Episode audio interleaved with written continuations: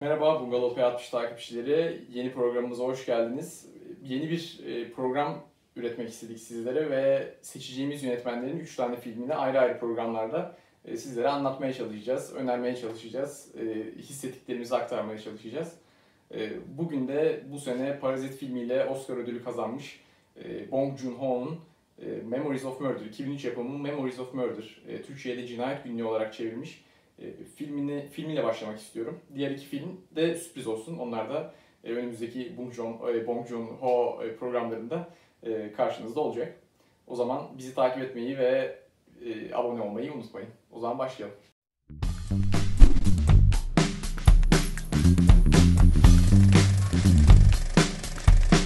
Memories of Murder, Bong Joon-ho'nun ilk çıkışını yaptığı film olarak da bilinmekte uzun zamandır görmeye alıştığımız e, Hollywood klişeleriyle dolu e, polis hikayelerin elinin tersiyle bir kenara iten cinsten bir film. E, ve gerçekliği bütün etkisiyle surata vuran bir film. Öyle yani hakikaten sarsıcı bir film. Filmin gerçek bir hikayeden uyarlanmış olması da yaşanan olayların çarpıcılığını arttırmakta izleyici adına bence. Ve sizi bütün film boyunca şaşırtıyor sürekli. E, bu nedenle çok enteresan bir film hakikaten. Hikaye e, 1986 yılında Seul yakınlarındaki küçük bir kasabada geçiyor. Kadınları öldüren bir seri katili yakalamaya çalışan e, polis teşkilatının e, operasyonu yönetiş biçimine tanıklık ediyoruz aslında. E, normal böyle izlediğimiz Hollywood'daki e, karakterler gibi değil ama bu cinayeti çözmeye çalışan polislerin karakterleri. O kadar farklı ki profillere hakikaten inanamıyorsunuz. Ve onların psikolojisini de çözümlemeye çalışıyorsunuz. O anlamda çok e, ilginç e, Hollywood tip, polis tiplemesinden en uzak e, polis tiplemeleri diyebilirim filmdeki e, tiplerden. Sırf bu yüzden bile izlenmesi gereken bir film olduğunu düşünüyorum. E, çok çarpıcı hakikaten.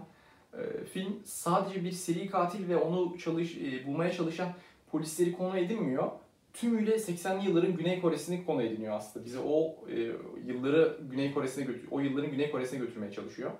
E, o sıralarda Güney Kore 33 yıllık yeni kurulmuş bir ülke olduğu için henüz sistemini oturtamamış, e, işte gelişi güzel yönetilen, e, berbat bir ülke görünümünde ve e, kanunları hiçe sayan, suçlu suçsuz şiddet uygulamaktan çekinmeyen çarpık bir zihniyete sahip 80'li yılların Güney Kore Polis Teşkilatı'nın yakından mercek altına alındığını görüyoruz. Zaten katilin de bu kadar rahat elini kolunu sallayarak cinayetler işleyebilmesinin temeldeki sebebi de aslında gelişmemiş, her şeyden bir haber polis teşkilatının yetersizliği denebilir. Örneğin bir sahnede e, cinayetin işlendiği bölge polis tarafından sarılır ve sivillerin buraya girmesine izin verilmez. Ama olay yerindeki delillere zarar gelmesin diye polis teşkilatı dışında kimsenin normalde oraya sokulmaması e, gerekmektedir.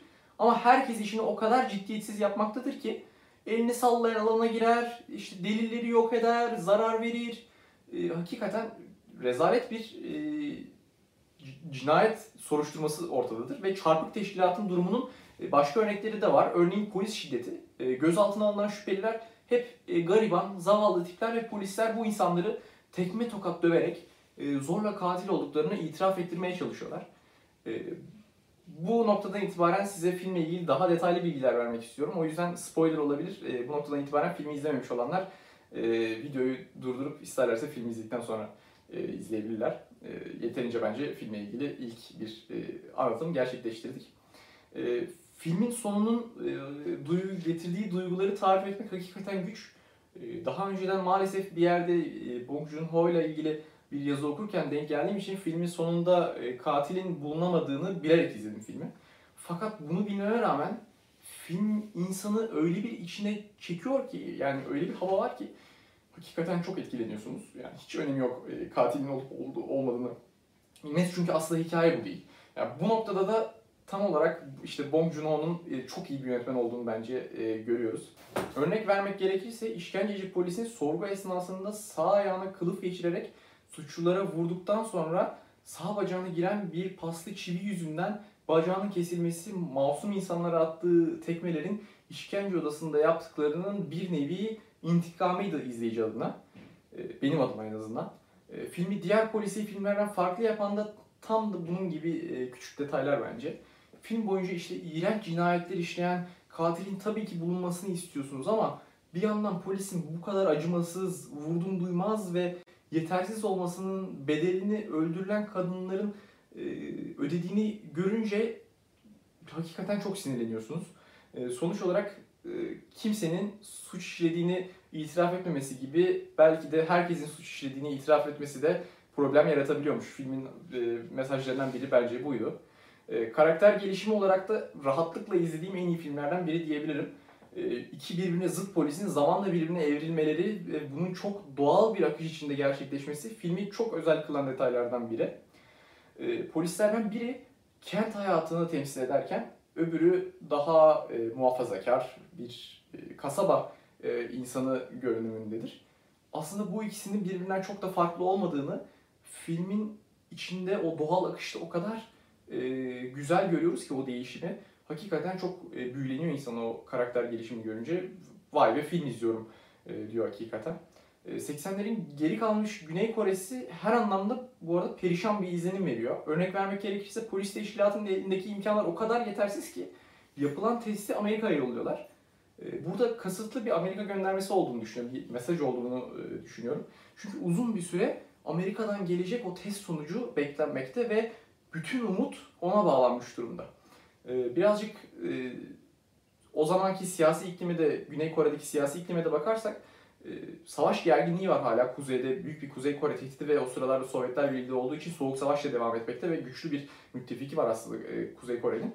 Ee, ve Güney Kore'nin e, tek umudu oradaki müttefiki e, Amerika. Filmde de aslında bence buna küçük bir gönderme vardı ister istemez. Fakat filmin sonunda da görüyoruz ki Amerika'dan gelen test sonuçları hiçbir yerde bulunamıyor polis teşkilatına ve e, o sonunda bir şekilde e, kaybolup gidiyor. Filmin 2003 yılında çekildiği ve aradaki 17 yılda Güney Kore'nin ne kadar hızlı geliştiğini e, göz önüne alırsak bu açıdan filmde bir Amerika göndermesinin de kaçınılmaz olduğunu düşünüyorum. Çünkü Güney Kore kendini çok geliştirmiş bir ülke o süreçte. Filmin eleştirdiği ve göstermeye çalıştığı şey ise kanımca yozlaşmışlığın yarattığı o bozuk yapının katilin bulunmasının önündeki asıl engel olması. Katil elini kolunu sallayarak yağmurlu bir günde e, radyodan istek parçasını dinlerken cinayetleri işleyebiliyor ve polis teşkilatının tamamen eli kolu bağlı. E, tam bu gizemi çözmek için işte ek devriye istiyorlar bilmem ne.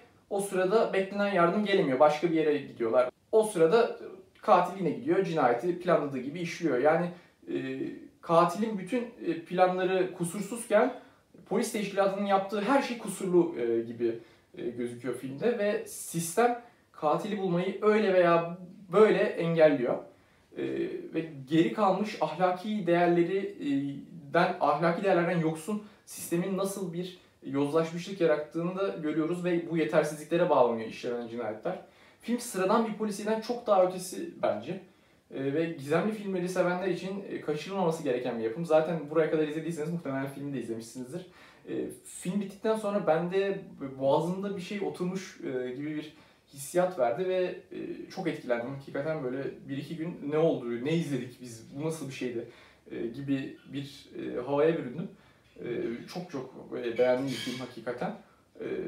Bazı filmler böyle bir değil iki kere, üç kere izlenmelidir ya bu film onlardan biri. Yani sonunu bilseniz de e, izleyip vay be dediğimiz bir film bence. E, çok etkilendim. E, size de izlemediyseniz de buraya kadar da izlediyseniz tavsiye ederim. İzlediyseniz beğendiyseniz de yorumlara da yazarsanız sevinirim. İlk filmimiz Bong Joon-ho'dan Memories of Murder, cinayet filmi oldu.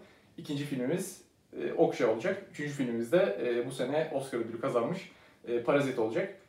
Başka istediğiniz e, yönetmen serisi olursa her yönetmenden 3 film e, yapmayı planlıyoruz böyle sevdiğimiz yönetmenlerden. E, yönetmen önerileriniz, sevdiğiniz yönetmenler varsa e, aşağı yorumlara yazarsanız onlarla da ilgili videolar çekmeye çalışırız. O zaman bir sonraki bölümümüzde görüşmek üzere.